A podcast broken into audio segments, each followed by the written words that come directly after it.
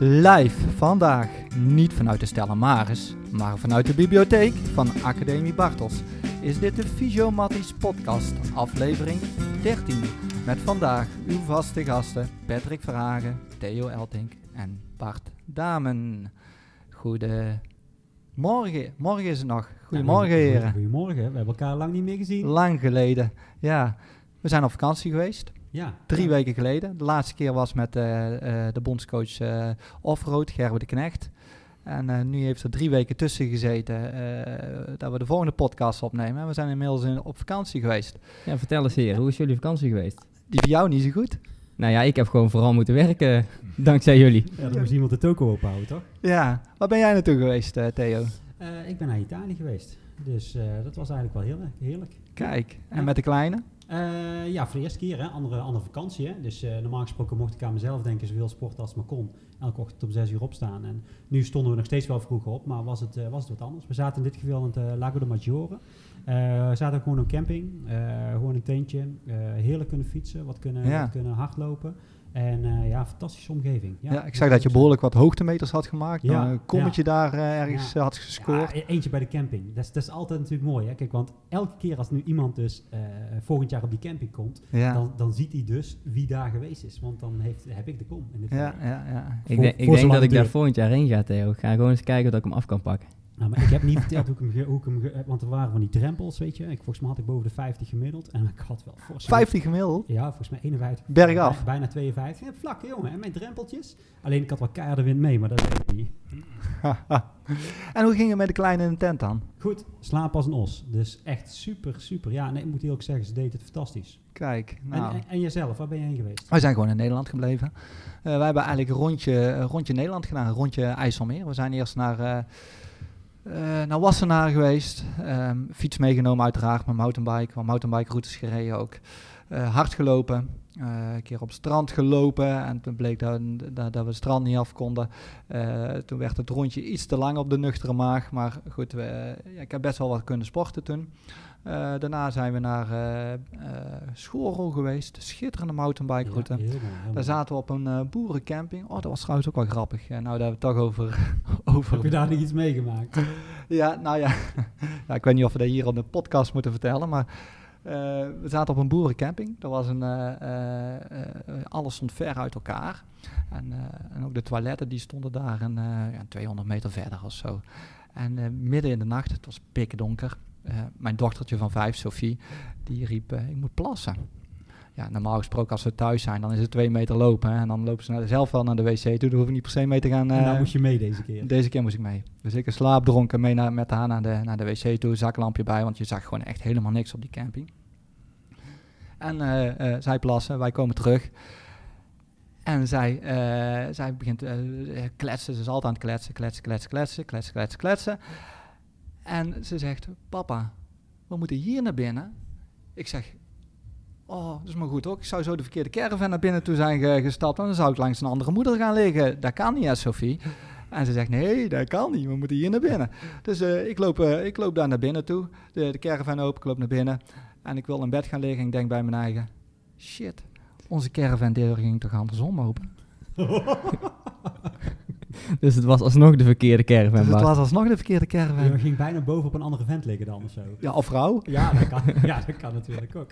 Dus ik zeg tegen, En tegen hoe reageerde die dan? nou, dus ik zeg tegen Sophie, Sophie, we moeten eruit. We moeten eruit. Verkeerde- Dit is niet onze caravan. caravan. Papa, dit is wel onze caravan, zegt ze nog zo. Ja, ja, eruit. Dus wij, wij eruit. Ja, en toen kon ik s'avonds niet meer slapen. Ja, ik kwam niet meer bij van het lachen.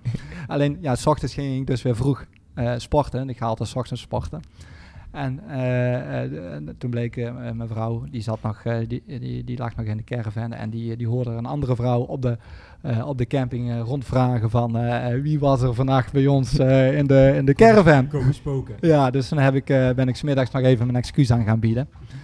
Ja, maar dat was... eh, ja, daarna zijn we doorgetrokken trouwens nog. eh, Hey, 120 kilometer heb jij gefietst volgens mij. Ik verschoot in ieder geval op mijn vakantie. Ja, jij op zo de- ver gefietst had. op, de, op de mountainbike toen. Ja, ja. Ja, Gewoon normaal, vier man. uur getraind, die man, hè? Ja, Dan denk je, die komt topfit terug. ja. Ja. Hey, en daar was hij dus niet, of uh, suggereer je? Ja, woensdag ging het nog niet van harte volgens mij, Bart. Ja, de supercompensatie moet nog komen, eh, Patrick. Oh ja, Maar Patrick vond ik wel Ik had trouwens wel een kommetje. Hey, ik, vond, ja, ik vond het wel knap, want jij hebt gewoon elke keer ben je blijven fietsen, terwijl wij gewoon weg waren. Dus dat vond ik wel heel knap. Ja. Ehm, en jij hebt gewoon gewerkt, Patrick. Ja, gewoon eh, volle agenda. Eh, jullie patiënten deels mee overgenomen. En eh, ik moest ergens maar eens kijken wanneer ik gewoon kon trainen. Ja. Uiteindelijk is het redelijk gelukt, want ik, ik denk dat ik redelijk veel, eh, veel trainingskilometers gemaakt alsnog heb. Mhm. Eh, dus dat ik, ik geloof niet dat ik een achterstand heb eh, op jullie. Ik denk het ook niet. Ehm, ja, we zijn, eh, zoals ik net al zei, we zijn net bij de Academie Bartels. Eh, ik ga onze volgende gast introduceren. Ja. Ehm, de gast van vandaag. De staatssecretaris van Volksgezondheid vertelde zijn zoon dat het beter was om in de zorg te gaan werken. De paardenbranche zou hem tenslotte blut maken. Op zijn zeventiende ging hij op kamers in Amsterdam om psychologie en geneeskunde te studeren. De opleiding psychologie heeft hij afgemaakt en is daar een tijdje ook werkzaam in geweest. Hij ging als sportverslaggever werken voor de NRC Han- Handelsblad en later de Telegraaf.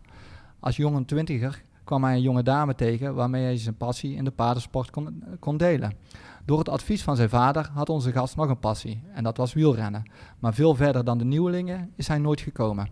Al snel startte hij een eigen bedrijf, Zuidgroep BV, en later werd, werd dit Best Communication eh, Management. Eh, dit is een evenementenorganisatiebedrijf en uitgever van verschillende tijdschriften. Zijn vrouw werd een succesvolle Olympische Amazone met maar liefst twee zilveren medailles. En ook hun dochter werd een succesvolle Olympier.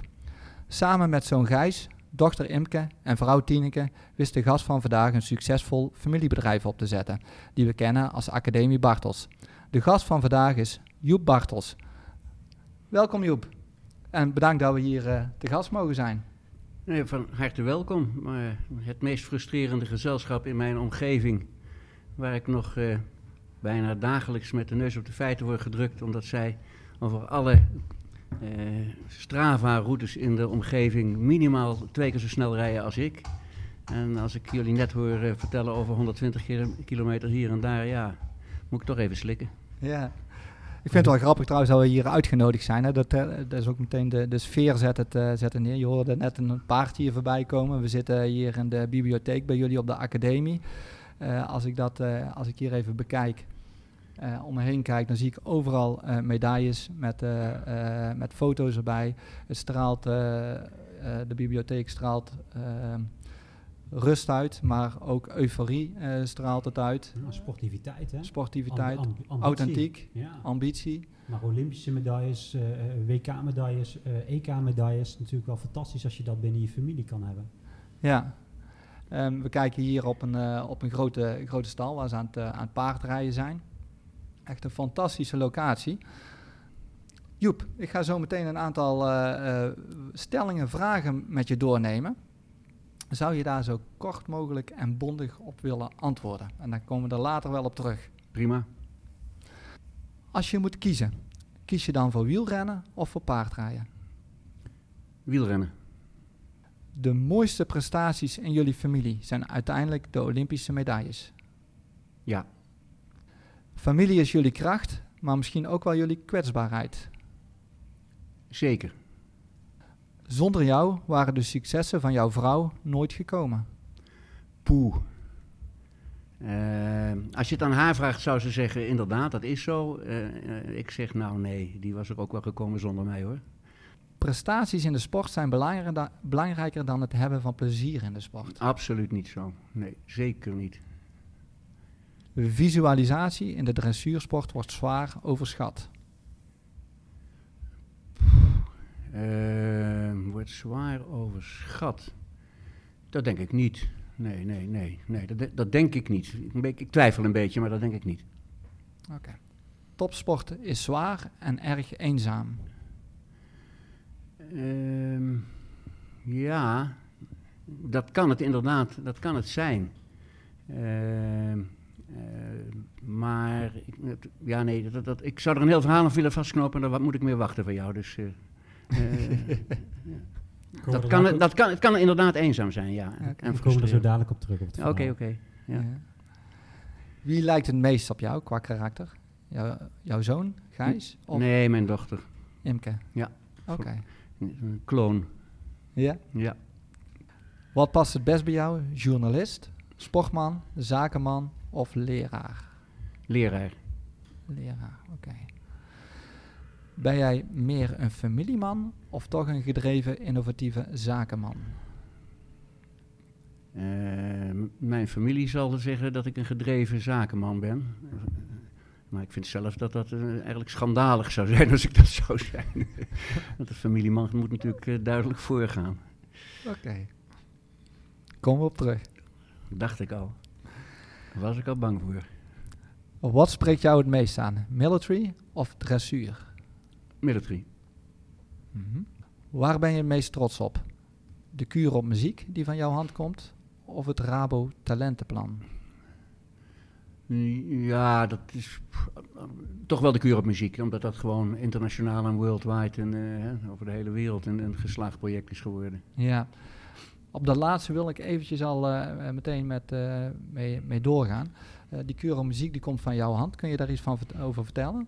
Ja, dat is, eigenlijk, dat is eigenlijk best wel een, aardig verhaal. Ik, eh, eh, eh, ik, ben eigenlijk altijd wel van jongs af aan, misschien door mijn opvoeding, eh, ontzettend fanatiek geweest in, in, nieuwe dingetjes toevoegen, om je heen kijken, proberen inspiratie op te doen. En wij waren op de Olymp- Olympische Spelen 1984, Los Angeles. Daar reed Tineke mee in de dressuur. Eh, voor die tijd hadden we een tienjarige lange carrière gehad in, in, in springen en eventing. En ze ging over naar dressuur en was in de kortste keer in het Nederlands, eh, het Nederlands team. Maar de sport op zichzelf eh, vond ik best nog wel, wel wat saai. Iedereen reed dezelfde proef.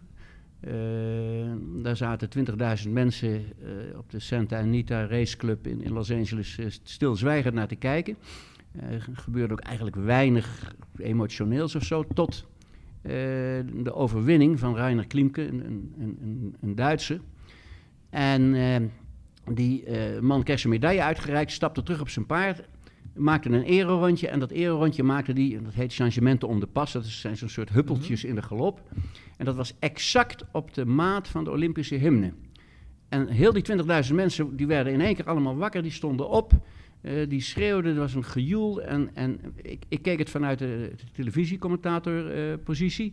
en daar zaten mensen, commentatoren, gewoon te huilen van emotie. En nou, toen ben ik eh, teruggekomen en gezegd, hier gaan we dus wat mee doen.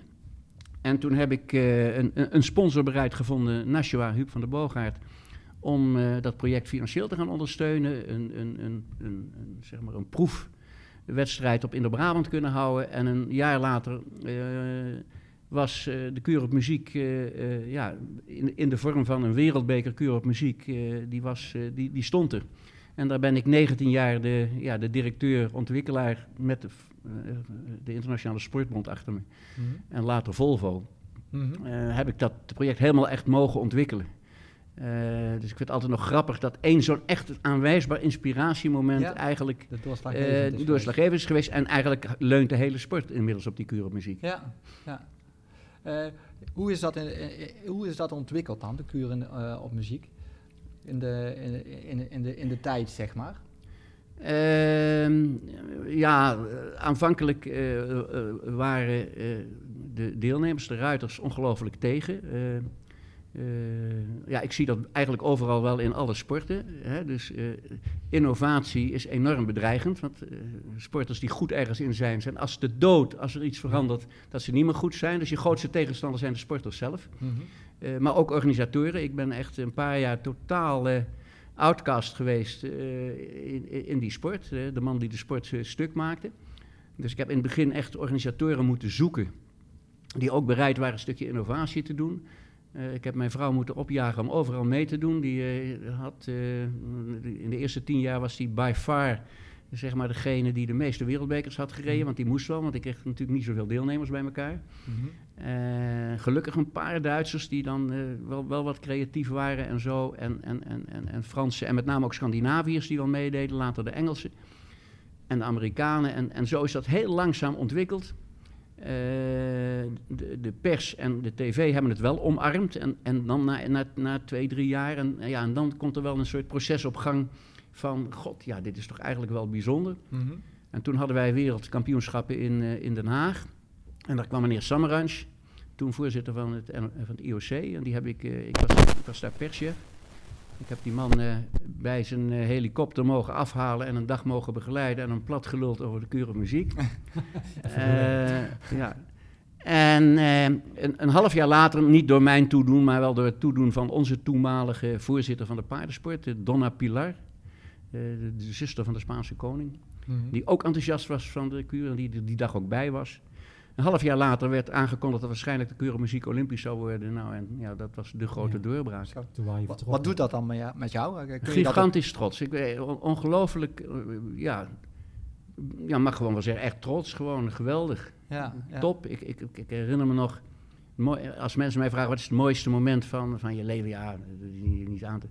Nou, zeker niet mijn huwelijksdag of zo, hoewel ik de, de, de, de- de mo- mooiste huwelijk ever heb. Maar, maar dan, dan is dat toch wereldkampioenschappen. Eh, Kentucky. We, we, we verslaan met overmacht de Duitsers. Imke zit in het team op een avond. Eh, bijna 40, 36.000 toeschouwers. Ongelofelijke sfeer in die avond. Spotlights.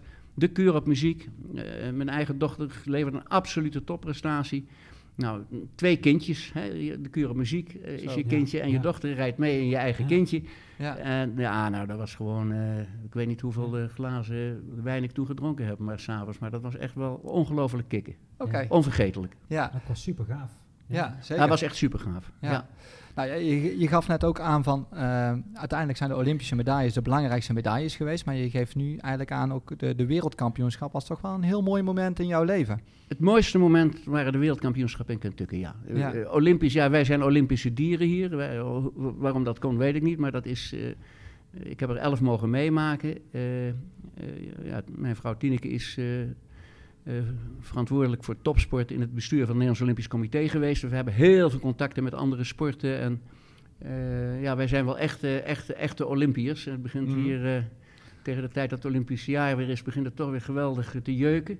Ja, En dus daarom zeg ik ook, ja, uiteindelijk zijn Olympische Spelen het mooiste. Maar als je echt één moment moet aanwijzen, nou, dan is het dat moment op de wereldkampioenschappen. ja, ja. Hoeveel Olympische Spelen ben je eigenlijk geweest? Elf. elf. Kijk. Ja, elf. Ik heb vier, eh, 44 vier keer met mijn vrouw eh, meegemaakt, echt als trainer. Twee keer met mijn dochter. Dus zes, zes keer dat de familie heeft meegedaan met de Olympische Spelen. Zo. Ik ben begonnen als eh, journalist Olympische Spelen te doen. Hè, begin, begin van mijn carrière. Ik ben opri- medeoprichter en voorzitter van de internationale paardensportjournalistenvereniging geweest. Dus vanuit die ho- hoofden ben ik, ben ik daar ook, ook, ook mee geweest. En mijn laatste Olympische Spelen was ik toeschouwer op grote afstand. Ja. Eh, want mijn dochter lijkt zo op mij dat ik daar vooral niet in de buurt moet zijn als die moet presteren. Dus eh, dan eh, ben ik daar gewoon eh, ja, mijn kaartje gekocht en ergens bo- hoog boven in de tribune en wegblijven van het, van het gebeuren. Maar ik heb het op alle mogelijke manieren mee mogen maken. En- Vertel daar eens iets, eh, iets over inderdaad. Ja, over, eh, ja, eh, want er was net ook een, eh, een, een vraag die ik stelde, waar je snel op moest antwoorden. Wie lijkt het meest op jou, eh, je zoon Gijs of, eh, of Imke? Je, je zei heel overtuigend meteen eh, Imke. Eh, en je, je geeft nu aan van, we moeten niet te veel bij elkaar in de buurt zijn bij een groot toernooi. Nou, eh, dat hoort ook wel bij ons. Eh, kijk, ik, ik heb een hele praktische familie die echt midden in de sport staat. Ik heb natuurlijk ook wel best wel in de sport gestaan. Eh, Zij het niet dat ik door gebrek aan talent nooit echt ergens echt goed in ben geworden, maar ik heb er wel echt goed over nagedacht.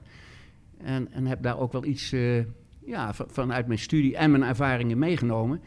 Eh, en, en één ding is, is dat je goed moet nadenken over wat je kunt toevoegen of kunt afbreken aan, eh, aan, aan, aan talent. En dat elkaar dat aan moet vullen. En wat er bij mij en mijn dochter bijvoorbeeld is, dat wij allebei hoog energie zijn.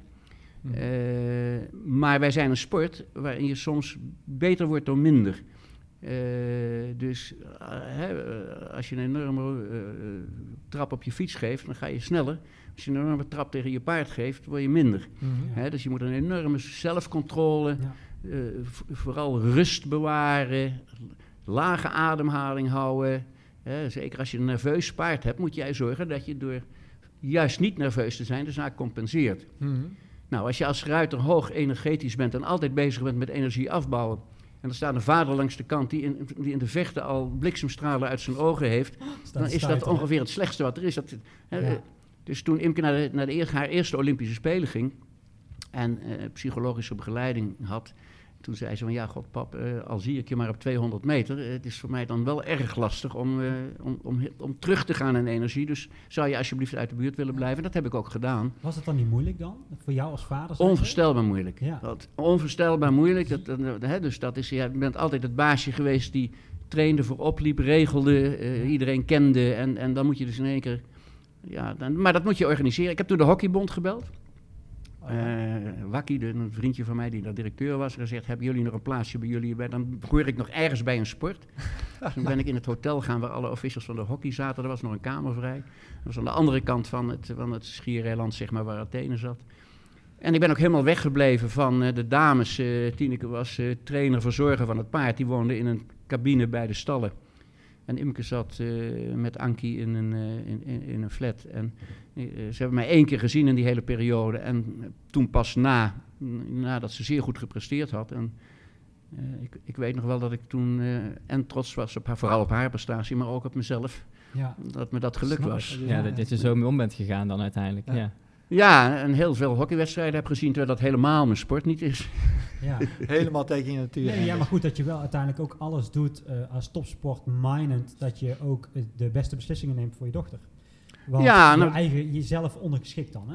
Ja, nou, nou- nou vertel ik het heel ide- ideeel. Dat is natuurlijk Ja, ook wel iets ja. van stuiteren en, eh, hè, en proberen. En, en de, dat, dat gaat niet. maar, maar ja, dat is wel, ja, dat, het is wel ook ontzettend belangrijk, Ja. denk ik, in sport om dat soort zaken heel goed eh, naar jezelf toe te vertalen. Ja, maar het is dus niet alleen een beslissing voor, voor je dochter Imke, maar het is ook een beslissing juist voor het paard, neem ik aan. Want je geeft aan van, ja, als, als eh, eh, Imke dus eh, wat nerveuzer wordt eh, door, eh, eh, door jou, dat het, dat het eigenlijk overgedragen wordt, eh, die energie op het paard ook. En dat, Absoluut. en Ja. dat heeft eh, dus eh, serieuze consequenties voor Ja, zo'n nou, prestatie op een toernooi. Ja, dat is, dat is onvoorstelbaar. We hebben, er zijn allerlei onderzoeken over interactie tussen paard en ruiter, waarin je kunt zien dat een hoge hartslag van de ruiter een hoge hartslag van het paard geeft, et cetera. Dus dat is een enorm stuk, eh, ja, zeg maar, eh, ja, dat, dat is een eenheid. Dus je moet wel zorgen dat die eenheid in balans komt, want eh, ja, een klein beetje meer zenuwachtig bij het paard geeft foutjes en klaar, het verhaal is uit.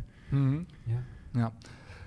Ik weet nog, ehm, er is in Barcelona volgens mij geweest. Ik heb net even gekeken naar die medailles hier. De, zilveren medaille van, eh, in, eh, in Barcelona eh, in 92. Als ik het goed heb, dat eh Tineke toen gehuldigd werd hier in Hoge Mierde op de markt. En eh, ik was toen een jongen van, eh, van 12 jaar, ik weet het nog goed. Eh, de fanfare stond er. Eh, er stond een, eh, eh, een tribune en daar stond, eh, eh, stond volgens mij heel jullie familie op. Eh, weet ik niet meer helemaal zeker, maar Klopt. Ehm, wat ik wel weet is eh de fanfare speelde en eh Tineke werd daar eh, gehuldigd. En daar komt een eh, manneke, ik weet niet, van, eh, van twee jaar oud of zo, die stapt naar voren toe. Die trekt zijn eh, broek omlaag en die begint daar tegen het podium te plassen. En die kijkt een keertje rond en die is super trots dat hij gewoon zelfstandig kan plassen. Ja. was, En- mijn, was mijn buurjongetje. Dat is jouw bieljongetje. Ja, Ja. Hij, hij woont nog hierachter. Ja. Ja, ja. Ehm, dus eh, de- de- iedereen lag toen dubbel. Eh, Ja, ik denk dat er ook. honderden mensen waren. Ik weet Ja. niet, eh, massa's mensen waren daar. En ja. iedereen lag daar dubbel. En die jongetje dacht dat het om hem ging. Dat hij gehuldigd werd omdat hij zelfstandig kon plassen. Ja. Dus ja, nou ja, goed. Hartstikke leuk was dat toen. Ehm, maar ik stelde net ook de vraag hoe belangrijk eigenlijk jouw rol is in de, in de prestaties van Tineke. Kun je, kun, kun je daar iets over vertellen? Nou ja, dat, dat, is nou wel een ideale combinatie geweest. Hè. Ik ben te, fanatiek. Ik heb me van, van jongs af aan eh, twee sporten gedaan. Eh, dat zei ik al. Ik heb eh, paardensport nog tot een beetje subtop internationaal kunnen, kunnen brengen. Nog wel internationale wedstrijden gereden. Bij wielrennen, wat uiteindelijk mijn, ja, toch wel heel erg ook mijn, mijn, tot, de dag van vandaag mijn, mijn belangstelling en mijn passie heeft. Niet verder dan een middelmatige nieuweling kunnen, kunnen, kunnen komen. Ehm, maar eh, ja, eh, als ik naar Tineke kijk, dan was het wel zo dat het fanatisme bij mij zat en het talent bij haar. En dat is een mooie combinatie. Want eh, zij eh, was altijd relaxed en rustig. Totdat het inderdaad op het niveau kwam van selectiewedstrijden of Olympische Spelen. En dan was zij net in de optimale prestatietoestand. Terwijl wij al bijna kotsend over het hek hingen van de zenuwen. Ja. En, maar zij had die kick van een fanaat wel nodig om in die optimale prestatietoestand te komen. Zij mocht best af en toe wat fanatieker zijn. Eh, dus wij vulden elkaar daar fantastisch in Maar aan. je, je creëerde waarschijnlijk ook een omgeving voor haar om topsport te kunnen bedrijven. Nog extra, hè? Ja, nou ja, goed. Ik was, ik was altijd een beetje manager en, en, en, en, en, en, en, en een beetje trainer, et cetera. Maar, maar eh, ja, wij zijn altijd een hele goede combinatie geweest. Omdat wij allebei nou, behoorlijk verschillend zijn Mhm. eh, qua, qua, Maar wel qua temperament. Ja, in dit Maar, maar absoluut wel aanvullend. Want je moet natuurlijk wel een, toch een, ja, om op het allerhoogste niveau te komen, wel een stukje fanatisme toch Ja, hebben. Ja. Dat, dat, vi- dat vind ik ook wel bewonderenswaardig. Ja? Je, je bent, eh, in eerste plaats ben je een man, maar je bent ook manager, coach eh, van Tineke. En Tineke doet dat nu ook bij, zijn, bij de dochter, zeg maar, Imke. Eh, hoe gaat dat dan, de, de rol als eh, coach, manager, terwijl het ook familie is? Ja, dat- nou, normaal gesproken gaat dat 9 van de 10 keer mis.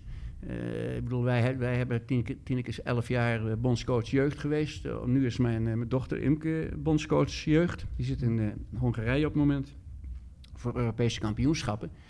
Ehm, en die ziet natuurlijk hoe ongelooflijk aan de ene kant waardevol, want zonder de ouders kunnen bij ons de jonge ruiters niks. Maar aan de andere kant hoe ongelooflijk lastig en moeilijk ouders het kinderen kunnen maken. Mhm. Dus dat is vaak heel erg lastig. Alleen, ja, ik heb net uitgelegd, naar aanleiding van het energieniveau, dat de combinatie van Imke en mij een lastige was. Maar eh, de combinatie Imke en, en, en, en mijn vrouw Tineke is weer net hetzelfde als bij mij. Mhm. Hoog energetisch, laag energetisch, ideale Dus- combinatie. Ja. Eh, dat, eh, ja, dat werkt fantastisch. Ben je daar proefondervindelijk achter gekomen of is dat jouw achtergrond als eh, psycholoog, sportpsycholoog?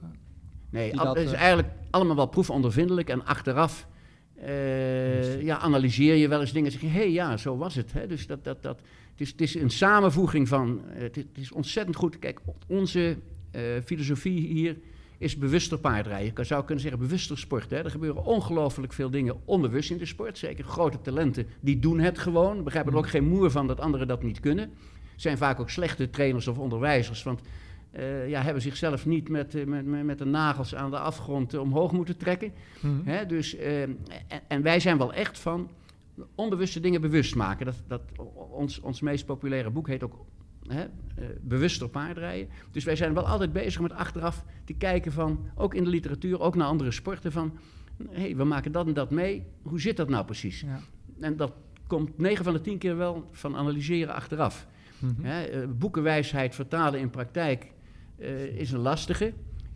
Maar praktijk beter maken door ook af en toe eens achter, theoretische achtergronden te bekijken, te Mhm. evalueren, vinden wij wel een hele goede. En eh, eh, hebben jullie dan een team eromheen gebouwd? Doe je dat alleen maar zelf? Of heb je een team om het paard en om eh Imke Tineke heen gebouwd? Of hoe- gaat dat? Zijn er meerdere disciplines bij betrokken? Ja, wij, kijken, wij, wij, wij hebben altijd heel erg gekeken naar andere disciplines, maar ook andere sporten.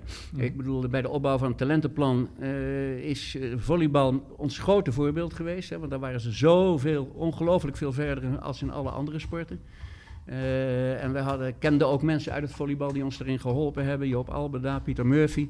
eh, waar we ook echt heel veel mee, eh, mee gedaan hebben, en, en, et cetera. Dus, maar bijvoorbeeld andere disciplines. Ja, als je nu nog op ons bedrijf rondkijkt. Eh, ja, wij werken met, eh, met, eh, met, met een fitnesstrainer, hè, Bouke. Bouke, ja. We hebben een eigen fitness hier op het bedrijf. Dus wij vinden de, de fitness van de ruiter met sportspecifieke fitness dan vinden wij ongelooflijk belangrijk. We werken met sportpsychologen. Ja, hoewel ik zelf psychologie heb gestudeerd, mag ik me absoluut geen sportpsycholoog noemen. Er zijn mensen die daar veel meer ervaring in hebben. We werken met ges- specifieke fysio's aan eh, wat, wat wij dan flexshare training noemen. Mhm.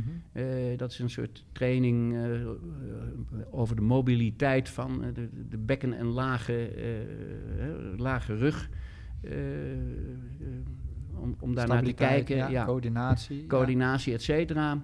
Eh, ja, voedingsdeskundigen. Wij hebben wel altijd enorm gekeken naar, naar wat andere disciplines kunnen toevoegen. En, en dat is ook een beetje de filosofie die, eh, Ja. ja, die het NOC nu heeft. Die hebben dus ook ja, om de trainers heen een, een, een- groep gebouwd Ja. van, van, van mensen uit allerlei andere disciplines die de trainers weer adviseren vanuit alle verschillende invalshoeken. Om, eh, Nu, nu praat je eigenlijk over een omgeving van de ruiter. Heb je ook zo'n omgeving rond de pa ja, paard? zeker. Ja, zeker. Ja, dat gaat van hoefsmid, fysio, dierenarts vooral. Oké. Maar ook specialisten daarin, ja, dat is echt, eh, dat is eno- heeft een enorme vlucht genomen eh, de laatste jaren. Ja. Maar, maar je praat uiteindelijk over, eh, eh, de, eh, over topsport. Hè? Je praat over dus eigenlijk heel veel dingen uitsluiten en verbeteren. Toch is jouw stellig antwoord op prestaties in de sport zijn belangrijker dan plezier, is volledig plezier wat voorop staat. Absoluut.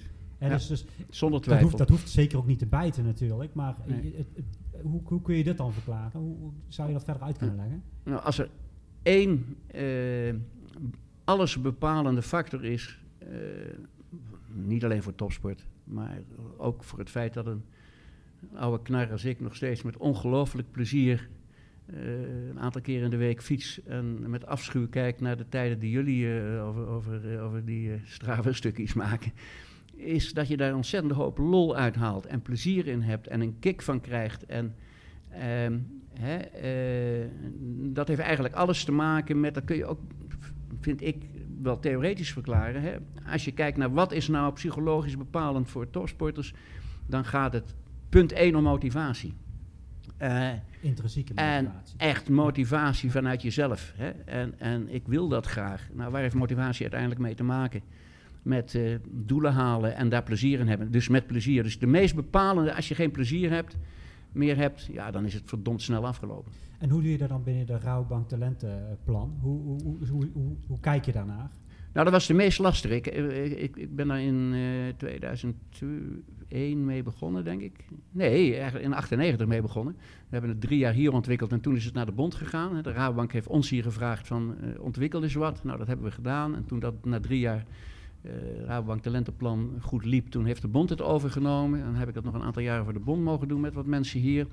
Eh, en eh, we begonnen met leuke talentjes van 15, 16 jaar te trainen. Ehm, en daar kwamen we te vaak achter dat als ze dan 18, 19, 20 waren, dat de motivatie in, de, in, in het paard overging naar de motivatie in de, naar de vriendin, vriend of dancing. En als je dan gewoon goed analyseerde, dan bleek dat we bezig waren geweest met de motivatie van de moeder en niet van het kind. Ja, ja. Dus om erachter te komen van, is zo'n kind intrinsiek gemotiveerd? Ja, dat zie je pas op het moment dat het kind ook zelfstandig wordt. Dus wij hebben op enig moment de leeftijd echt gigantisch opgeschroefd. Ik weet nog wel dat NOC toen zei, ja, maar dat is te gek, dat is geen talentontwikkeling meer. Want die keken toch naar 12, veel 13, jonger, 14-jarige turns, turnstertjes, om dat nog maar eens even te noemen, en zwemstertjes. ja. En, en, maar bij ons ligt die leeftijd gewoon hoger. Hè, bij ons is een 30-jarige sporter is echt op zijn top van tussen 30 en 40 van zijn mogelijkheden en kan daarna zelfs ook nog doorgaan. ja. Mhm. Dus wij zijn echt toen opgeschoven. We zijn eigenlijk pas echt beginnen te kijken met de jaren van 18 tot 25 ging ons talentenplan. Omdat we dan in ieder geval op enig moment wisten, ja, dit komt echt van het kind zelf. Mhm. Eh, maar dat is de lastigste, ja. Want eh, dus heel veel, eh, zeker in onze sport, eh, van, van onze jonge sportertjes, zijn bezig om te moeten waarmaken wat moeder altijd al heel graag gewild had, maar toen niet gelukt is. En, ja. Eh, ja, dat gaat een keer over, want dan Ja. blijft er geen plezier, daar heb je het weer, plezier. Hoe, hoe gaat het dan? Als de- de- eh, je ontdekt een talent en daar ga je dan iets omheen eh, bouwen? Of de talent die, komt hier, die, die traint hier bij eh, Academie Bartels en die valt dan in het Rabo Talentenplan? Of kun je iets vertellen Nee, er over zijn, het eh, proces? eh, eh, Nou, eh, het, bela- het belangrijkste wat, waar wij zijn achtergekomen is dat we een, een, een trainersnetwerk over het land zijn gaan opbouwen. Dat die trainers onderdeel waren van een trainersplatform. Dat we in dat trainersplatform ja, hebben getracht elkaar beter te maken. Met impulsen van buiten.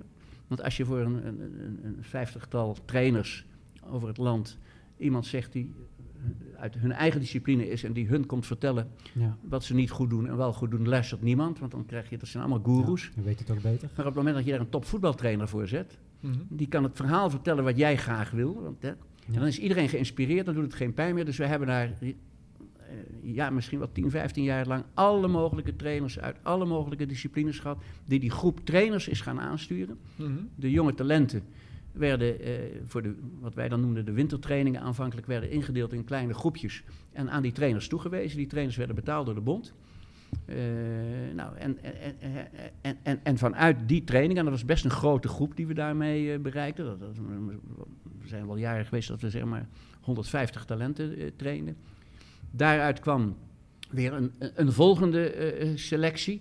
Eh, via nationale selectiedagen. Eerst regionale, dan nationale selectiedagen. En uiteindelijk eh, kwam op basis van sportprestaties en die selectiedagen een, eh, een, een talententeam van twaalf ruitertjes tot stand. ja, die we ook enorm in, de, in het zonnetje hebben gezet. In de hoop dat ze op die manier misschien aan een sponsor kwamen of aan een eigenaar die een paard ter beschikking stelde. Mhm. Eh, daar hebben we allerlei dingen mee gedaan. Kampen bij de wereldkampioenschappen, bij de Olympische Spelen zijn we met die, eh, met die mensen, eh, met die kinderen geweest. Ehm, eh, die hebben alle mogelijke tot, tot en met communicatietraining toegekregen. Humberto Tan deed altijd een dag met ze en zo. Dus op, op, op- die manier was dat plan eigenlijk opgebouwd. En uit die twaalf ruitertjes koos, de, kozen alle leden van de bond dan het talent van het jaar.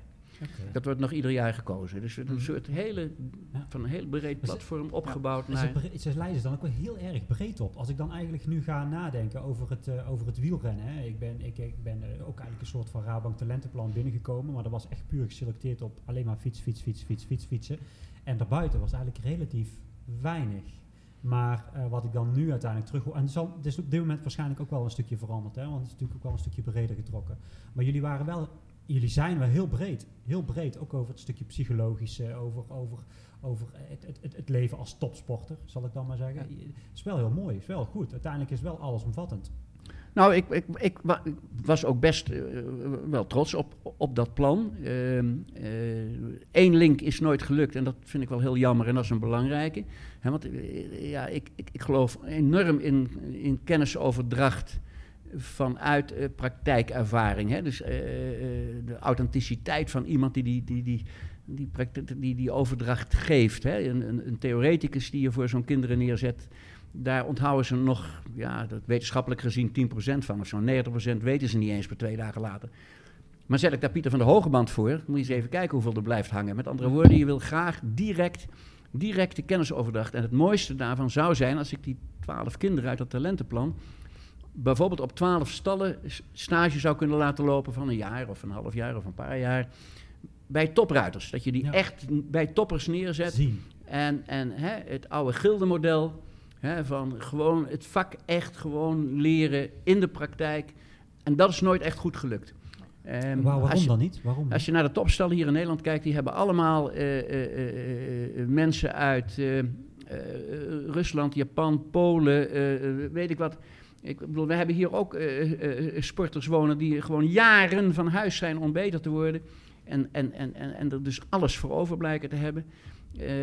Ja, wij zijn toch hier en daar een wat verwende maatschappij. En, en, en, en, Maar willen we ons geheim dan niet prij- prijsgeven? Is dat dat dan een onderdeel? nee, absoluut niet. Het is zo dat veel van die talenten toch de, de... We hebben een rare, rare sport. Hè? Als paard, puur even over paarden. Hè? We hebben een rare sport. Een, een, een, sport van vroeg opstaan. Hè? Eh, eh, de meeste stallen beginnen nu om half zeven. eh, met die hitte en, en, en, en, en zijn dan vaak nog bezig s'avonds om tien uur met de laatste ronde voor de paarden te voeren. Niemand lult over een 40-urige werkweek. Er wordt betaald voor een 10-urige werkweek. Ehm, eh, dus er wordt ontzettend. Eh, eh, vakantie, nou ja, met, met paarden Ja. thuis, eh, hoe Ja. regel je dat? Dus met Ja, andere woorden, het is, eten. Ja. ja, dit, dit is natuurlijk wel een, een, een, een, een, raar wereldje en een hard wereldje. En eh, dat wordt op die topstallen ook wel van die, van die kinderen verwacht. En dan zakken er toch veel door de enkels heen. Ja, ja. Je vertelde, je vertelde net eventjes van dat uh, Imke nou in Hongarije zit uh, als bondscoach uh, van de jeugd. Ze hebben een, uh, bij het EK, EK uh, dressuur, de, ze hebben een zilveren medaille weten te winnen, uh, las ik. En een bronzen, begreep ik net. Ja, en, uh, en een bronzen. Individuele brons, ja. ja. Um, is daar een cohesie met het Rabobank talentenplan? Ehm, in zekere zin wel bij de selectie voor het talententeam wordt natuurlijk ook naar die prestaties uh, van die kinderen gekeken, maar ook weer niet. Uh, Imke is verantwoordelijk voor de twee jongste groepen van de jeugd, Children en Ponies tot 16 jaar. children rijden op grote paarden, die, die zijn nu net geweest. nu komt Imke weer een weekje naar huis. en een week daarna gaat ze weer terug naar, naar Budapest. Dan zijn de ponies. Uh, we hebben geen ponykinderen meer in het uh, talentenplan. Want uh, dat verhaal wat ik net vertelde, die zit onder de 16. Ja. Dan weten wij nog niet van, ja. van is dit de moeder of de vader of is dit ja. het kind zelf. Mm -hmm. Oké. Okay. Ehm, ik vroeg er straks ook even aan jou van, ja, wat, wat vind je nou het, wat spreekt jou het meeste aan, de military of de dressuur? En je gaf, eh, je gaf eigenlijk aan de, de military. Nou weet ik dus dat in de jaren tachtig volgens mij hebben jullie hier nog een, eh, grote wedstrijd eh, georganiseerd, een military hier in Hoge, in Hoge Mierde. En volgens mij kwam zelfs het Brits Koninklijk Huis hier, hier deelnemen aan die wedstrijden. Klopt dat? Nou, Prinses Anja die, die reed toen mee en dat reed echt opvallend en ontzettend goed mee, moet ik zeggen. Ja. We reed mee ook Europese kampioenschap en, en, en, dat soort. En die, heeft, die is ook hier geweest, ja. Wij hebben 15 jaar met het hele dorp uh, hebben wij hier uh, een enorme wedstrijd uh, mogen neerzetten hier achter het huis in, in Hoge Mierde. de Kempische Ruiterdagen. En waar tienduizenden bezoekers op afkwamen voor de cross country. En ja, ik vond dat een prachtige veelzijdige sport. Wel met veel risico. Hoewel als ik nou naar wielrennen kijk en zie wat daar allemaal voor uh, ongelukken gebeuren, dan mogen we nog niet klagen. Maar uh, ja, nee, ik, vond dat, ik, vind, ik vind dat nog wel een hele mooie en boeiende sport. Dat vind ik van springen ook. Uh, ja, dressuur is wat, wat, wat, wat minder gevaarlijk, maar technisch heel erg uitdagend. Mm -hmm. en, en, dat was voor ons het meest, meest haalbaar. Maar als je mij nou vraagt welke discipline van de paardensport, nou, dan vind ik, dan vind ik die military of eventing heet het tegenwoordig blijf ik een hele mooie veelzijdige sport vinden. Waarom zijn jullie dan toch overgestapt op de, de dressuur? Is dan toch de, de, het gevaar uh, die bij de dressuur? Ja, toen, wel ook het, het, het, toen wel het gevaar. We hadden net twee kindertjes en uh, Tineke verdween, verdween in de bossen en dan kwam ze eruit of ze kwam er niet uit. Uh, en, is inderdaad een gevaar. Maar ook wel een economische factor. ja. Wat zijn je nou op laatst? Ook wel een economische factor. Economische wij, factor, wij, ja, in, in dressuur uh, ja, is ook gebleken dat we daar de, de goed de, de kosting kunnen verdienen. Uh, het is verreweg de grootste groep van de sporters. Hè. Dus als je naar de. We hebben zeg maar 40, 45.000 licenties in Nederland, denk ik. En daarvan is echt 80% dressuurlicenties. Die dat is wel best veel. Moet ja. ik zeggen, nationaal gezien is dat best veel. Ja, onze bond heeft 150.000 of tussen de 150 en 170.000 leden. Meestal recreatief Zo. en dan uh, 40, 45.000 licenties. En daarvan is ver, ver, uit het merendeel is de zuur. En internationaal, uh, ja goed, ons bedrijf draait op het moment ook veel op internationaal. Hè, voor dressuur, uh, ja, daar, daar, daar, daar, daar komen dus mensen uit de hele wereld, komen daar gewoon hier ja. wonen en, en trainen. En Sport is groter als dat ik, uh, als, dat ja. ik voor ogen had, moet ja. Ja, maar als je gaat kijken naar wedstrijd, wedstrijd gerelateerd richting wielrennen, dan is dat is, is paardensport veel groter. Ja. Als je uit de licenties zou kijken. Ik denk het ook. Maar je ja. vertelde straks, Joep, uh, ook het feit dat hier een, een, een Japanner is, die uh, in dit geval dan ook hier zit. Hè? De, de, vraag is topsport, doe, je dat, is het, is het, doe je dat alleen hè? Of, of, of niet? of is het eenzaam? Uh, die man die zit hier voor een, voor een onbepaalde tijd. En die heeft nou thuis, had hij in Japan een dochtertje zitten en zijn vrouw. En die ziet hij dan voor een heel poos niet. Nee, die ziet, zien elkaar over FaceTime. En die gaan één keer per jaar, uh, komt zij hier of gaat hij daarheen voor een paar weken. En, uh, en dat is het dan. Dan moet je er wel heel erg veel ja. voor over hebben. Uh, dus ja, dat is wel, wel eenzaam. Aan de andere kant is een sport die je helemaal niet alleen kan doen. Hij heeft hier ook zijn, zijn team om zich heen. Uh, en en uh, ja, bij ons is dat wel heel erg belangrijk, want je hebt je eigenaar nodig van het paard. Uh, je dierenarts, je trainer, je groom, uh, die dat paard verzorgt zeven dagen in de week. Dus het is wel een enorme teamprestatie en daardoor weer niet zo eenzaam. Dus maar er zitten twee is, aspecten aan. Is het dan cultuur? Want zou je dan een Japaner zeggen, die zou daar eerder toe geneigd zijn als een Nederlander? Want zou jij veel Nederlanders kennen die dus juist in, weet ik veel, in Amerika of in Frankrijk uh, op een, op een zouden Ja, wij hebben het wel allemaal 30, 40 jaar geleden ook in het buitenland ge geleerd. Maar het is wel absoluut zo, hè, als wij de, we hebben hier van alles zitten, hè, mensen uit, uit India... Thailand, uh, Rusland, uh, ja, noem maar op. Uh, maar de Japanners hebben wel, nou, zover wij dat dan meemaken, hè, maar een enorme zelfdiscipline. Ja. Mm -mm. Dat valt ons echt wel op. Ja. En dat is wel heel belangrijk voor deze sport. Ja, absoluut. Mm. Ja. Um, wij zijn nogal fan van persoonlijkheidsprofielen. En die hebben we jou ook in laten vullen, Joep. En jij vertelde ook al dat je er zelf ook al mee thuis, in thuis was. de MBTI persoonlijkheidstest. Hier kwam, uh, hier kwam bij jou uit de uh, letters E en. En mensen met uh, deze persoonlijkheid hebben doorgaans een vriendelijk en charmant karakter en zijn natuurlijke leiders vol passie en charisma.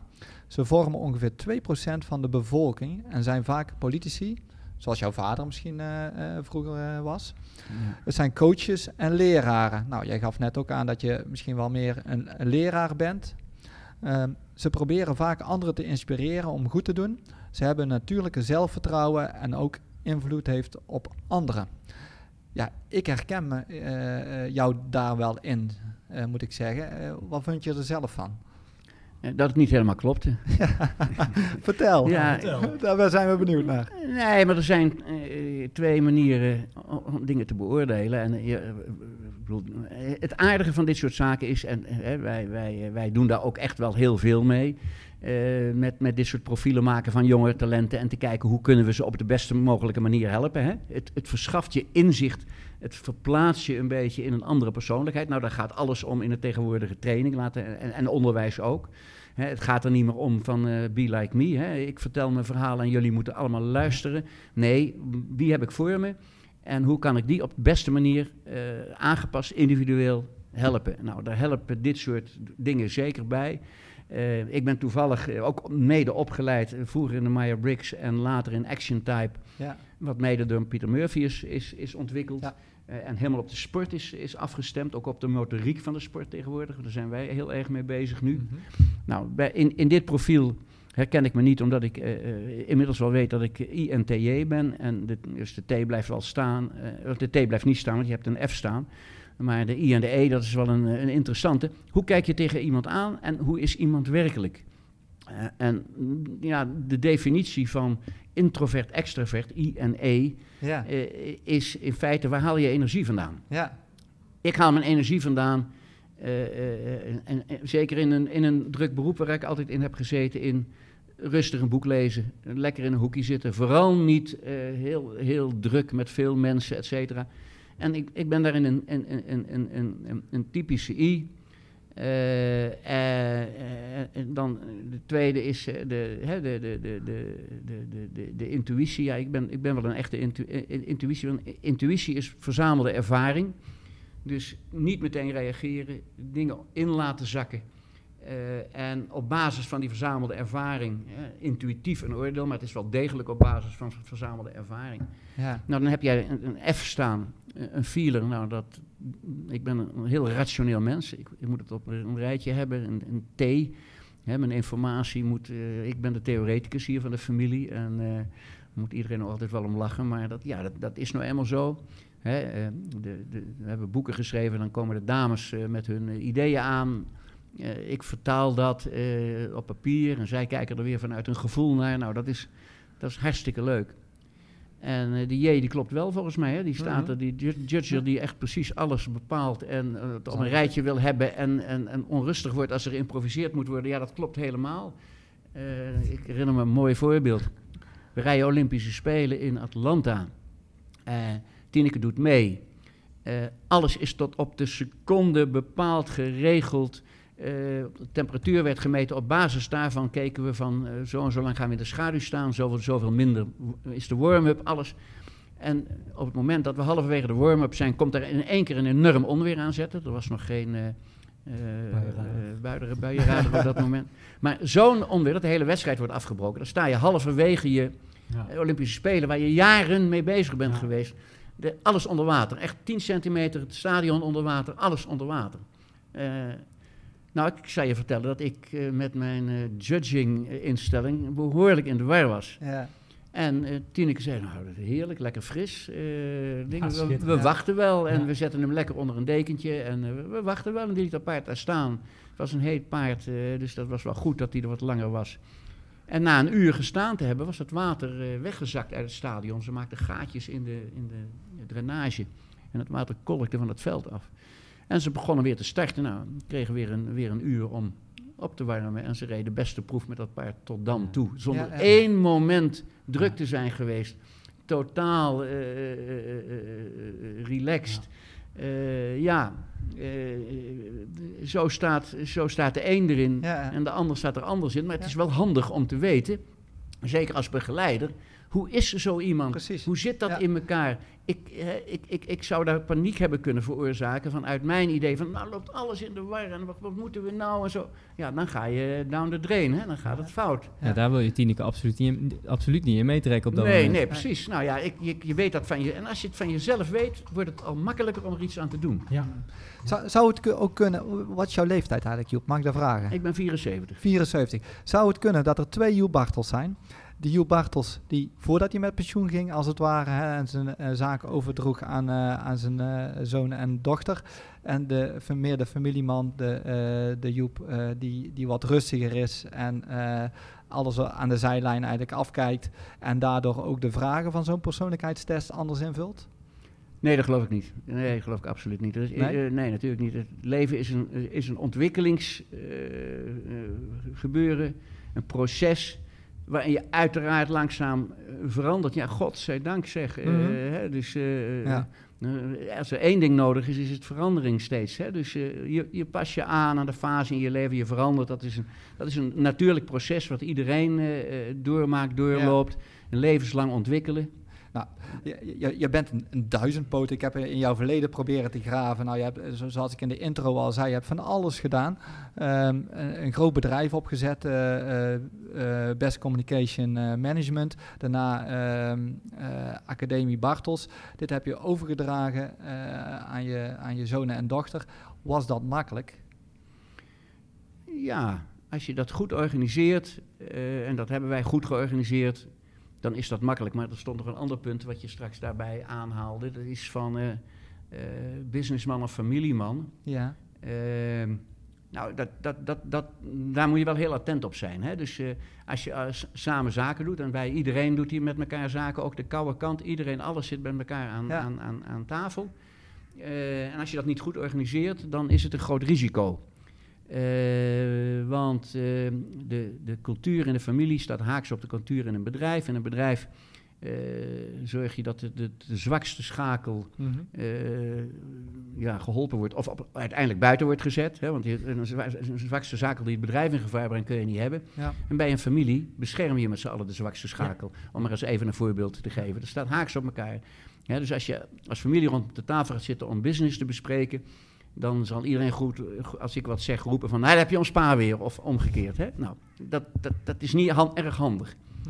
Nou, dat kun je wel voorkomen. Eh, Maar dan moet je dat goed regelen, structureel, door buitenstaanders erbij halen. Op het moment dat je een buitenstaander in zo'n clubje hebt, verandert de hele dynamiek in zo'n clubje. Dan wordt er niet meer gezegd, hé hey, pa dit, of zeg ik niet meer van, hou jij je mond nou eens dicht. Dan, is, Mhm. dan is er een andere cultuur. Dus wij hebben altijd buitenstaanders binnengehaald. We hebben een, een overkoepelende stichting, stichting eh, Academy Bartels, waar, eh, waar wij in zitten als familieleden en, en hele competente buitenstaanders in zitten. Eh, en grote beslissingen kunnen wij niet anders maken dan met betrokkenheid van de buitenstaanders. En ik heb dat ook altijd geadviseerd. Ik ben de, lang de enige paardenlector in dit land geweest. Ik heb al gezegd, onderwijs is, is toch wel echt, vind ik ongelooflijk leuk. Het laatste deel van mijn, van, vanaf mijn 55ste heb ik daaraan besteed. Ehm, en daar kwam ik ook op de Has in Den Bosch veel eh, zonen tegen van eh, gewoon boeren, eh, maar ook ondernemers. Die ook problemen hadden met hun pa, die het wil- wilde doen zodat hij- als hij het altijd al gedaan had. En ja, zo'n lief wilde dat niet, die wilde iets nieuws. Mhm. Ja, hoe kom je daaruit? Nou, niet door met z'n tweeën aan tafel te gaan zitten. Dat gaat 9 van de 10 keer niet. Maar wel door een verstandig iemand erbij te zetten. En, en dat ook een beetje ja, eh, verstandig te, te benaderen. Dus eh, we hebben dat wel heel goed georganiseerd. Eh, en dat is dan weer iets ja, wel vanuit het boekje en vanuit de theorie. Maar, en dat is eigenlijk tot nu toe, afkloppen, ja, bewonderenswaardig goed, goed verlopen. Want je moet er toch niet aan denken dat je als, als eh, zaakpartners herrie krijgt. Want dan heb je dus als familie ook herrie. En dan stort alles in elkaar. Ja. En uiteindelijk gaat de familie natuurlijk wel ver boven de zaken. Mhm. Ik zei straks even, als mijn familie zal mij meer als zakenman dan als familieman zien. Nou, dat, dat, dat is denk ik absoluut niet zo. Alleen als er uitersten zijn in de schaal, dan ben ik in ons clubje wel de zakenman, denk ik. Ja, Ja. ja. ja, nou ja, je hebt toen eh, dat bedrijf opgezet, eh, BCM. Dat had volgens mij op, eh, op, eh, op een gegeven moment iets van 100, 100 werknemers, klopt dat? Ja, bijna 100. Ja. Eh, je had 34 evenementen onder je, eh, een hoop boeken, tijdschriften eh, die je uitgaf. En die heb je, je hebt het bedrijf verkocht eh, in 97, als ik het goed heb. je bent goed geïnformeerd, Bart, het is niet te geloven. Ja, ja, ja. Zo hoor ik nog eens wat van mezelf. Ja. Vervolgens heb je je volgestort op de Academie Bartels, dus in een familiebedrijf. Ehm, wat was de reden eigenlijk om BCM te verkopen? Was dat om Academie Bartels naar een hoger level te trekken? Ja, dat, dat, dat zijn er een aantal. Eén ding is, eh, ik ben wel een, heet dan start-up ondernemer. Dus ik vind het ontzettend leuk om innovatief nieuwe dingen van de grond te trekken. Maar ik ben absoluut niet de ideale baas voor 100 mensen en 34 evenementen, wat 34 weekenden was. Dus dat Even tussen, ik denk al, wat kriebelt er aan mijn voet. Dat is de hond, denk ik, Bart. Ja, Tenminste, ik kan er niet bij met mijn handen. ja. Nee, het zijn ongetwijfeld honden die er ook rondlopen. Ja, grappig. Ja. Ja, nou, vertel verder, eh, Joep, sorry. Eh, dus eh, ja, uiteindelijk zat ik niet meer bovenop de door mijzelf gestarte zaak, maar lag de zaak bovenop mij. Eh, en, eh, en ik had grote behoefte aan verandering. Hè. Eh, het wordt wel eens midlife crisis genoemd. Nou, bij mij was het wel ietsje later. Maar, eh, en eh, ja, wij hadden toch wel allebei... eh, Tineke is, heeft sportacademie gedaan. Dat is helemaal een onderwijsdier. Ja, ik vond het eigenlijk ook wel leuk om, om naar die kant wat te gaan doen. Dus ik ben toen ook docent geworden. Gestart met een educatieve formule hier. Hè. Academy betekent ja, informatie verzamelen en informatie doorgeven. Met die trainingsweken die wij hier geven. ja, doen wij eigenlijk niet anders de hele dag. Dus eh, eigenlijk is het antwoord, ik had geen plezier meer hoe succesvol die oude zaak ook was in die oude zaak. En ik had Mhm. wel plezier in de nieuwe uitdagingen en de nieuwe, ideeën. En eh, dat komt dan samen met een vrouw die zegt, eh, jongen, neem de stap maar. Want als we morgen in een caravan wonen met een ponnetje achter het huis, ben ik net zo gelukkig als nou. Dus, is dit een droom? Is dit een droom die je verwezenlijk hebt? Ja. Ja, ik kan Ja. me wel voorstellen met zo'n mooie accommodatie. Ja, ja, uiteindelijk is dat, is, dat wel, is dat wel een droom, eh, maar wel vertaald eh, in, eh, in, in haalbare doelen. Van wat is nou Maar het is wel, als het er nou staat en, en ik kijk terug, zeg ik van ja, dat is wel waar je van gedroomd maar het hebt. is, het, is niet, van- het is niet van vandaag op morgen, het is even stapjes per meer dan Dus 40 jaar. We zitten hier ja, vanaf 1972 zitten we hier met een klein tuintje en een, en een huisje uitgegroeid naar. Eh, ja, inmiddels wonen we allemaal hier en is het eh, 13 hectare. En eh, ja, een, een prachtig mooi, mooi bedrijf geworden. Een landgoed. Absoluut. Een landgoed, ja. Ja. Ehm, ja, eigenlijk komen die punten toch wel weer een beetje terug in de E ENFJ eh persoonlijkheidsprofiel, eh, Joep. Ehm, maar eh, daar zitten ook mogelijke ontwikkelen, ont- ontwikkelingspunten eh, aan vast. Ehm, en ik ben het eh, eventjes door aan nemen en ik zie dat het, eh, ik raak steeds meer overtuigd dat het toch wel klopt. Want de, de E ENFJ-types praten vaak en veel en kunnen ontmoedigd raken als ze weinig feedback van anderen krijgen. Ze verwachten van anderen dat ze zich net zo inzetten als dat ze zelf doen en kunnen het lastig vinden om met eh, het ontbreken van consensus en met conflicten om te gaan. Bij het nemen van beslissingen kunnen ze soms voorbij gaan aan logica en feiten. Ehm, ja, eh, eh, eigenlijk geef je dat eigenlijk ook een beetje aan, maar verwacht jij ook van, eh, van je kinderen dezelfde inzet als dat jij hebt gedaan toen je het bedrijf startte? Eh, ja, ja. Die God, gedrevenheid. Ja, ja, nou ja, eigenlijk, eigenlijk even los van, van, van hè, of nou, want het, het grappige van dit soort testen is dat ze alle beschrijvingen zo maken dat je je er altijd wel in thuis voelt. Eh, dus eh daar moeten we ook niet. maar je vraagt ook naar een beetje naar van eh, ja. wat zijn dan ook eigenlijk je, je, je zwakke punten? Ja. En wat maakt het lastig? Nou, het, het, het fenomeen wat ik in mijn, mijn docentschap en mijn lectoraat veel heb meegemaakt van de, de dominante vader die precies weet waar hij heen wil, die die droom had, die dat werkje naar die droom eigenlijk ook al helemaal doorgeakkerd heeft. Ja, maar dat is lastig als kind als je zo'n dominante vader daar hebt zitten. Nou ja, dat, daar ben ik me wel van bewust. Maar om van een dominante vader, eh, die wel uitlegt hoe het zal moeten gebeuren, naar een, eh, een rustige, afwachtende. Dat gaat. eh, dat is een grote stap, kan ik je verzekeren. Mhm. Ehm, en nou, eh, ja, dat zou je aan de, aan de anderen moeten vragen. En die zou waarschijnlijk jou gelijk geven. Maar Ja. ehm, er zijn wij toch... zien ook af en toe dat vuurtje in jou wakker. Hè? We Ja, zien jou lachen en we zien de gepassioneerdheid in jou. Ja, maar daar moet je dus echt, echt, echt mee oppassen. Hè? Om, om, om, om, Ja. We hebben net corona achter de rug. Dit bedrijf heeft enorme klappen gehad. Eh, twee derde van de omzet viel weg. Eh, de, de, de, de evenementen kunnen niet doorgaan. Ja, dan moet je gaan compenseren, andere dingen gaan doen. Ja, wat zou meer voor de hand hebben gelegen als dat ik in de bres was gesprongen en eh, eh, mij 's morgens aan de rand van het bed had vastgebeten en de hele dag daar bezig was geweest. Nou, ik heb dat zeer bewust niet gedaan. En, eh, de, de, eh, want ja, de jeugd eh, is inmiddels ook over de 40. Mhm. eh, en wordt geacht dit soort situaties ook eh, te, te moeten overwinnen. Ja. En dan kost dat wel heel veel moeite.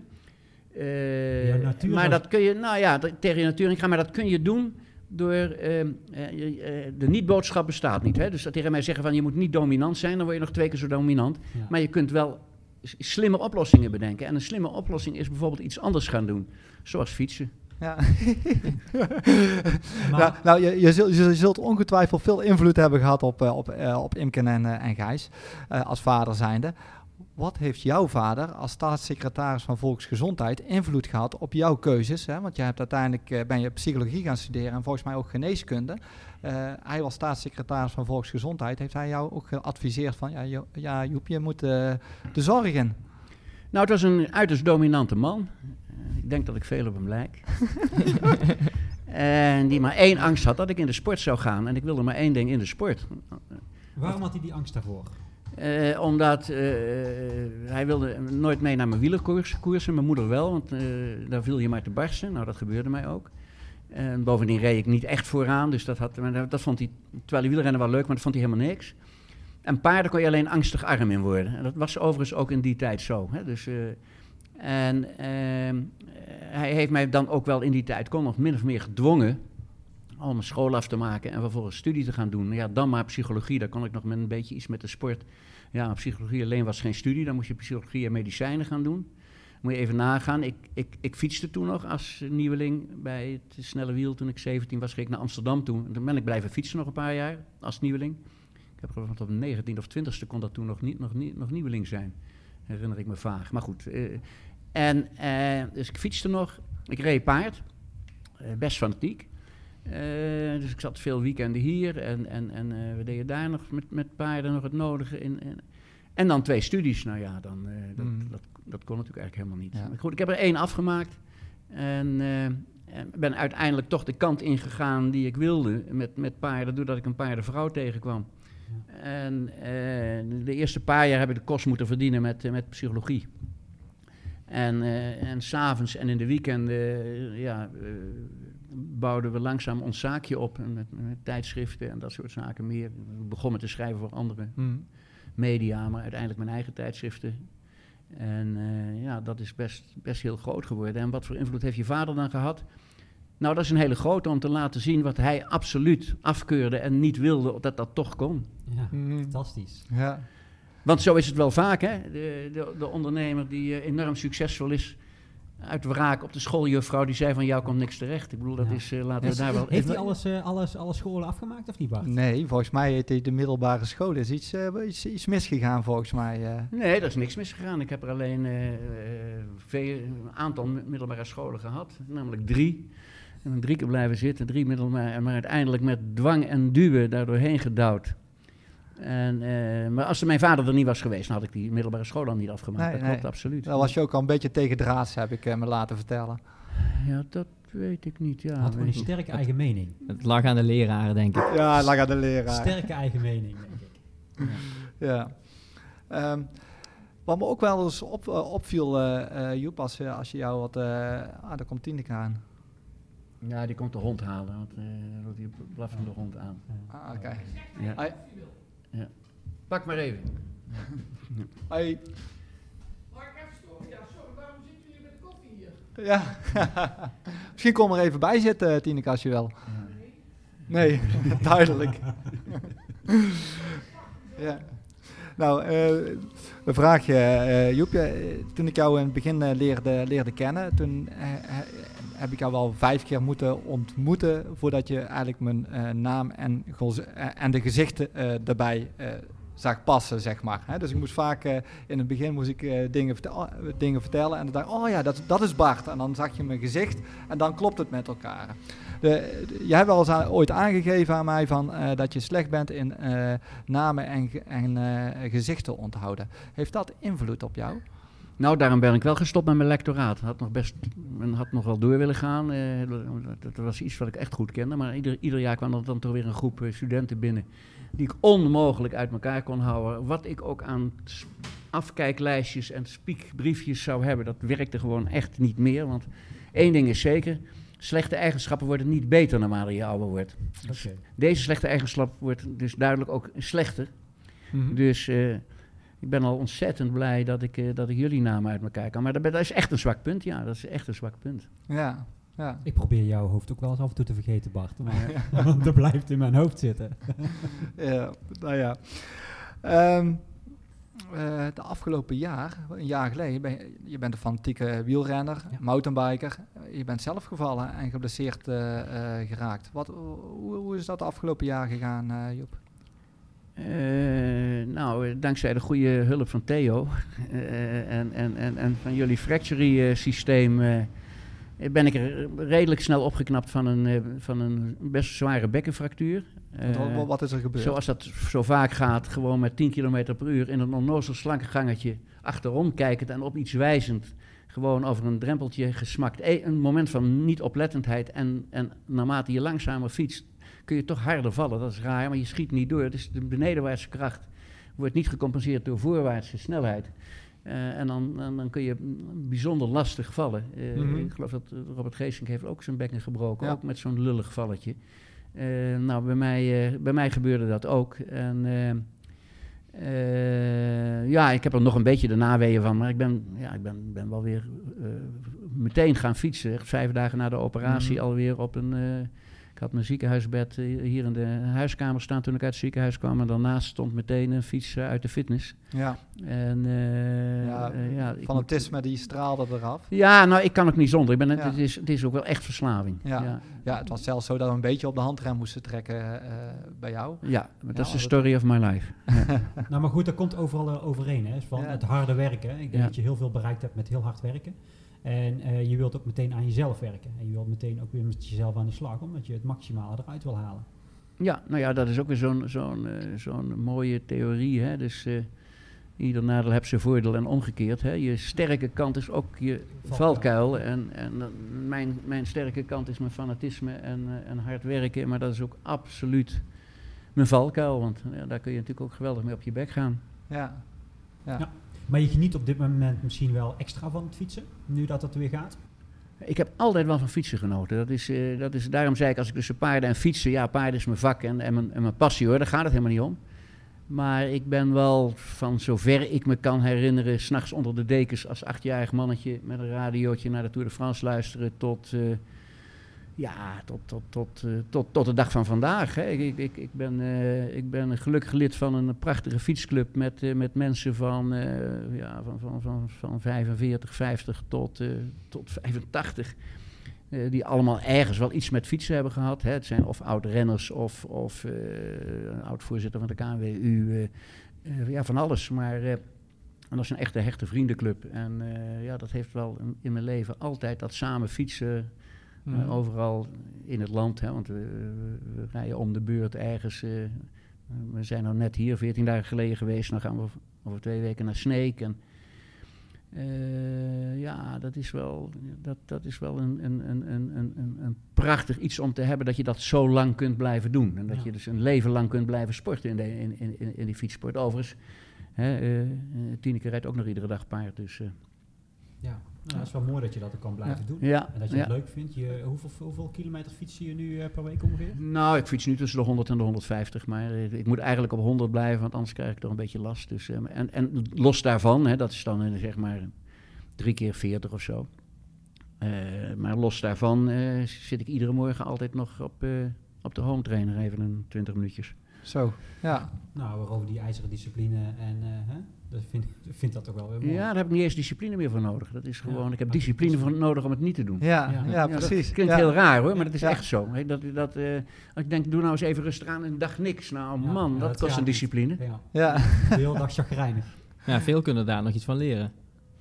Ja, weet ik niet. Ja, iedereen is anders, maar eh, ja. ja. Ik vind het wel mooi. Ik vind het heel mooi. He- heb jij nog iets wat je echt, eh, echt eh, wilt vertellen, eh, Joep? Want ik, ik ben, eh, ja, ik heb, ik heb best wel een indruk eh, zo, eh, eh, zo van jou ge- gekregen in dit verhaal. Ik heb al zoveel gekletst. Ja, ik heb eigenlijk nog wel één vraag. Eh, de vorige keer hebben we het ook een stukje over talentontwikkeling gehad, ook binnen het, eh, het wielrennen en het Oh ja? mountainbiken. En met al jouw ervaring, in, al die jaren in, in de topsport, eh, Joep. eh, zijn er nou dingen die bijvoorbeeld de wielrensport of de mountainbike tak ehm, zou kunnen leren vanuit de paardensport op het gebied van eh, talentontwikkeling? Eh, ja, bij mij draait echt alles om dat, maar dat heb je al wel begrepen, om dat woord plezier. Eh, ik vraag me wel eens af of in het oorspronkelijke Rabo wielerplan, wij zijn gelijkertijd gestart, Rabo wielerplan en Rabo talentontwikkeling paard, omdat de, de directeur die daar toen mee aan het stuur zat, de, grote baas was een wielerfanaat uit het Zeeuwse, maar de directeur daaronder was een paardenman. En zaten in een busje op het vliegveld in Amerika. En daar, de hele directie. En daar werd geroepen van jongens, we moeten nou wel een klap geven op dat wielerplan. Toen riep van de achterste bank riep ja, maar dan ook de paarden. Dus eh, ja, het wielrennen kreeg toen 6 miljoen of zo. Dus daar begonnen ze mee. En wij kregen 3 ton. Dus eh, dat was nog een ander verhaal. Maar goed, we starten, we starten allebei. En één ding is denk ik wat we ja, toch wel ge- ge- geleerd hebben is eh, plezier uitdagen eh, bij, bij het oorspronkelijk wielerplan heette dat de dikke bandenraces en zo. Ja. Ja, jongens, daar begint talentontwikkeling. Dus ik geloof absoluut als je over talentontwikkeling praat. En NOC was toen zet in op die twee, drie talenten. Je mag er blij zijn als je één keer in de drie, vier, vijf jaar een talent hebt. Nee, je moet ook inzetten op de brede massa. Dat is ook iets voor de bond. Ik vind dat dat ook misschien wel te weinig is gebeurd bij, bij, bij wielrennen. Ik zie gelukkig bij het snelle wiel nou weer iets terug. Waar ze, waar ze, waar ze wel fanatiek met, met, met je, proberen jeugd eh, te gaan motiveren. Eh, hè, want eh, als je die, die hele onderbouw niet hebt, krijg je die te- uiteindelijke talenten er ook niet, niet, niet uit. Eh, en en eh, ehm, ja, dan denk ik dat daar nog wel eens heel goed naar gekeken mag, mag, eh, mag worden. En, en uiteindelijk is er natuurlijk, ja, als je nu kijkt wat we allemaal aan, aan, aan, aan, Nederlandse talenten hebben, is het meer dan ongelooflijk. Eh, aan de andere kant, als je kijkt naar hoe smal eigenlijk de, de basis van het wielrennen is, denk ik, nou, ja. als we dan in de toekomst die talenten ook nog maar tegen blijven komen. Want ik, ja, ik vind dat wel angstig smal, moet ik zeggen hoor. Het wordt wel steeds moeilijker, zoals jij zelf er straks ook omschrijft. Kijk, als je, als, je, als je jullie vak uit wil oefenen qua paardensport, dan moet je eigenlijk een beetje gek zijn. Want je moet heel veel andere dingen trotseren. Hè? Je, moet, je, Je moet moet er heel veel voor over Compleet gek zijn. Ja, en je Ja. Moet, maar het is een way of life. En dat is binnen, binnen het wielrennen ook zo. En, en je moet, er zijn zoveel dingen om, om, anders, om, om andere dingen te kunnen gaan doen. Ja, dat wordt wel steeds, steeds lastiger. En mensen worden eerder getrokken naar andere, andere zaken. En- Zeker. En ik ben ook wel persoonlijk wel heel benieuwd naar, hè, we zitten zelf nu ook eh, binnen het snelle wiel, om dan uiteindelijk richting het, het, het, het, opnieuw nadenken hoe we uiteindelijk de eh, club mede zouden kunnen inrichten. Daar zit gewoon wel een hele verandering aan te komen. En eh, die is de laatste jaren al ingezet door de KWU. Dat heb je dus ook al in de, in de, ta- in de paardensport. Eh, is dat je, dat je breed moet gaan denken. Het is niet meer zoals dat het 20 jaar geleden was. Er is op dit moment veel meer nodig om dat stukje motivatie, hè, want daar begint het in dit geval bij. Het moet, moet leuk zijn, het moet intrinsiek zijn, om daarmee aan de slag te gaan, om vervolgens tot een, eigenlijk vanuit een hele brede piramide te werken naar die topsport. Zeker. Mhm. Ja. En ja, dat, dat, dat heeft binnen de wielrennerij denk ik nog wel heel veel nodig. Wat, wat je nu op dit moment wel ziet, ja, we, eh, we kennen natuurlijk eh, onze Joop Zoetemelk en consorten die toen nog tijd eh, de, de maximale gepresteerd hebben. Gelukkig zien we op dit moment ontzettend veel Nederlanders die, eh, die ook weer eh, presteren. En een beetje, een beetje buiten, buiten mijn tijd, want dat was op dat moment wel weer heel erg lastig. zie je nu weer heel veel Nederlanders opkomen. Ik denk dat dat wel heel Ja. erg mooi is. Nou, dit is een hele mooie. Dat is misschien wel goed aan het eind. Je, hebt, je, haalt een ding aan wat ik eigenlijk wel heel belangrijk vind. Bij ons talentenplan in de paarden eh, hebben wij ook Ankie van als ambassadeur gehad. Eh, dat heeft een enorme rol gespeeld. Hè? Dus met andere woorden, alleen, alleen een ambassadeur aanwijzen, daar heb je niks aan. Je moet er ook wel een plannetje onder hebben en iets mee doen. Mhm. En die ambassadeurs hebben we natuurlijk in het wielrennen nu ja, beter als we jaren gehad hebben. Absoluut. Eh, maar wat doe je ermee? Hè? Eh, eh, kan iemand die geïnspireerd raakt door Mathieu eh, van der Poel te, te kijken, kan die ook met zijn fietsje morgen in het dorp wat doen en langzaam in die sport eh, gaan? Ik heb een kleinzoon van 14, die denk ik ook een beetje op die manier, en ook omdat zijn, zijn grootvader rijdt en zijn vader fietst, hè, die dan een, een, keer gaat kijken bij het snelle wiel en een mee mag doen op dat mooie terreintje eh, en, en et cetera. Ja, zo gebeurt het wel. Dus die ambassadeursrol is wel een hele belangrijke. Die had ik net niet genoemd bij het opzet van het, eh, van het talentenplan. Maar eh, eh, ja, dat, dat, dat is wel een belangrijk onderdeel in, in, in de hele opzet. En dat hebben we natuurlijk bij het wielrennen beter als ooit tevoren. Ja, Ja, absoluut. Of in ieder geval als ooit de laatste twintig jaar, laten we het zo zeggen. ja, Ja. ja duidelijk. Ehm, ja, dan gaan we toch langzaamaan eh afsluiten, denk ik. Ja. Eh, ik heb voor jou nog een eh, fles champagne meegenomen, Joep. En dan denk je, wa- waarom een fles champagne? Nou ja, goed, vanuit je... toch kom ik toch weer terug op die persoonlijkheidstest waar je het niet mee eens bent. Daar kwam, daar kwam uit dat jij nog als eh, champagne zou drinken. En dat komt omdat je charmant bent, vriendelijk, afgestemd op emoties. En je viert graag je succes. En daar heb ik ook nog eens een verhaal over eh, gehoord. Of het waar is, weet ik niet. Je, je was in eh, eh, Los Angeles, eh, Hollywood. En daar heb je eh, een wereldbekerwedstrijd. eh, eh, was je aanwezig voor een wereldbekerwedstrijd van, eh, van, eh, van Tineke. Eh, volgens mij wist eh, Ankie van Grunsven die, die wedstrijd eh, te winnen. Ehm, eh, en jullie wilden al naar bed toe gaan. Eh, en de rest mag jij even uitleggen. Nou, dat is wel een gemeen verhaal van jou hoor. Het is leuk als afsluiter. Lijkt helemaal niks van. Ja, nou, gezelligheid. eh, eh, het, het punt was, ik kan heel slecht tegen het jetlag. Eh, Ik was daar organisator, ik heb me kapot gewerkt. Eh, de, de beide dames deden mee in de Wereldbekerfinale, mijn project. Eh, dus eh, nauwelijks geslapen, een, een week lang hectiek. Eh eh, Ankie wint Eh, ik zeg eh, tegen Tineke, nou eh, geweldig, ik neem een slaappil, ik duik mijn bed in. Doei. Ik nam een slaappil, ik duik mijn bed in. Telefoon gaat. je, je komt toch nog wel een glaasje champagne drinken bij ons, was Ankie, hè? Ankie. En ik zeg, nou nee, ik ben helemaal kapot. Ja, maar kom op, zeg. Nou, de- bij ons op de kamer. Nou, en ik- ik ben daar inderdaad heen gegaan. Ik herinner me nog dat ik daar in de, met een glaasje champagne in de hand stond... eh, om, te, om, te, om te proosten. En de volgende dag, eh, vol- wat, wat, ik- wat ik meemaakte, was dat ik weer in de lift stond. En wat daartussenin heeft gezeten, weet ik absoluut niet meer. Dus eh, ik ben daar echt even oud gegaan. En, eh, maar om alle misverstanden weg te nemen, dat is met één glaasje champagne niet te verklaren. Dat was ongetwijfeld een combinatie van oververmoeidheid en een slaappil die verkeerd viel. Ja, ja leuk verhaal, eh, Joep. Nou, ik wil jou in ieder geval hartelijk bedanken voor, eh, eh, voor dit gesprek. Ik vond het echt heel innoverend. Ja. Ehm, erg leuk. Ehm, mooie locatie.